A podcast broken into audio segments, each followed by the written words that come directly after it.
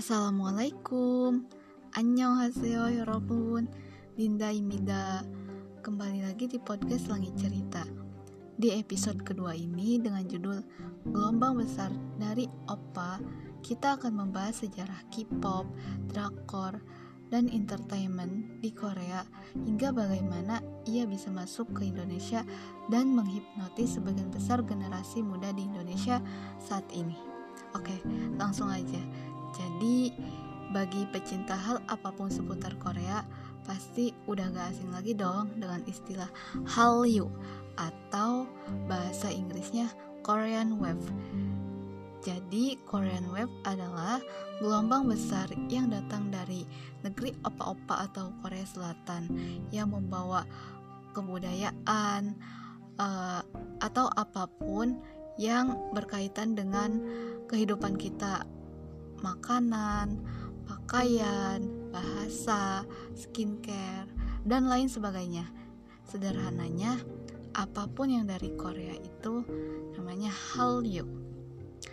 Jadi Hallyu itu merupakan hasil sejarah panjang dari dan kerja keras dari pemerintah Korea Selatan. Jadi kan, setelah merdeka dari penjajahan Jepang tahun 1945, tidak serta-merta membuat masyarakat di sana hidup makmur. Mereka harus berhadapan dengan perang saudara antara Korea Utara dan Korea Selatan yang mengakibatkan terpecahnya negara tersebut tahun 1953.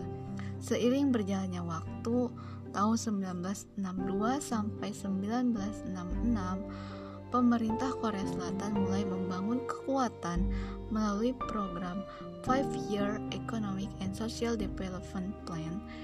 Berdasarkan buku Pernah Tenggelam karya Bang Puad Naim yang udah gue baca tahun 1998 budaya anime dan J-pop mulai masuk ke Korea melalui pasar gelap. Tidak ingin masyarakatnya mencintai kebudayaan dari luar Kementerian Kebudayaan Korea Selatan pun mulai memikirkan cara untuk menghalau uh, pengaruh budaya Jepang tersebut dengan membuka 300 jurusan industri kebudayaan di hampir seluruh universitas di Korea Selatan. Juga ada penawaran beasiswa bagi mahasiswa yang mau kuliah di jurusan tersebut. Atas dukungan pemerintah yang begitu besar, Akhirnya, dalam waktu singkat, Korea Selatan mendadak memiliki pakar dan orang-orang yang ahli dalam dunia perindustrian yang mengantarkan negara tersebut ke puncak kejayaannya. Bahkan, tahun 1999 muncul sebuah film berjudul Shiri yang mengalahkan popularitas film Titanic di negara ginseng tersebut. Keberhasilan dan kerja keras program pemerintah tersebut akhirnya membawa kemajuan untuk Korea Selatan, tidak hanya bagi negaranya, tetapi juga masyarakatnya untuk lebih mencintai produk dan kebudayaan sendiri. Semangat nasionalis mereka begitu berapi-api. Mereka bangga dengan produk dalam negerinya. Mereka mencintai kebudayaan yang lahir dari tanah mereka sendiri. Sekarang Mari kita bahas bagaimana pengaruh Korea bisa masuk ke Indonesia.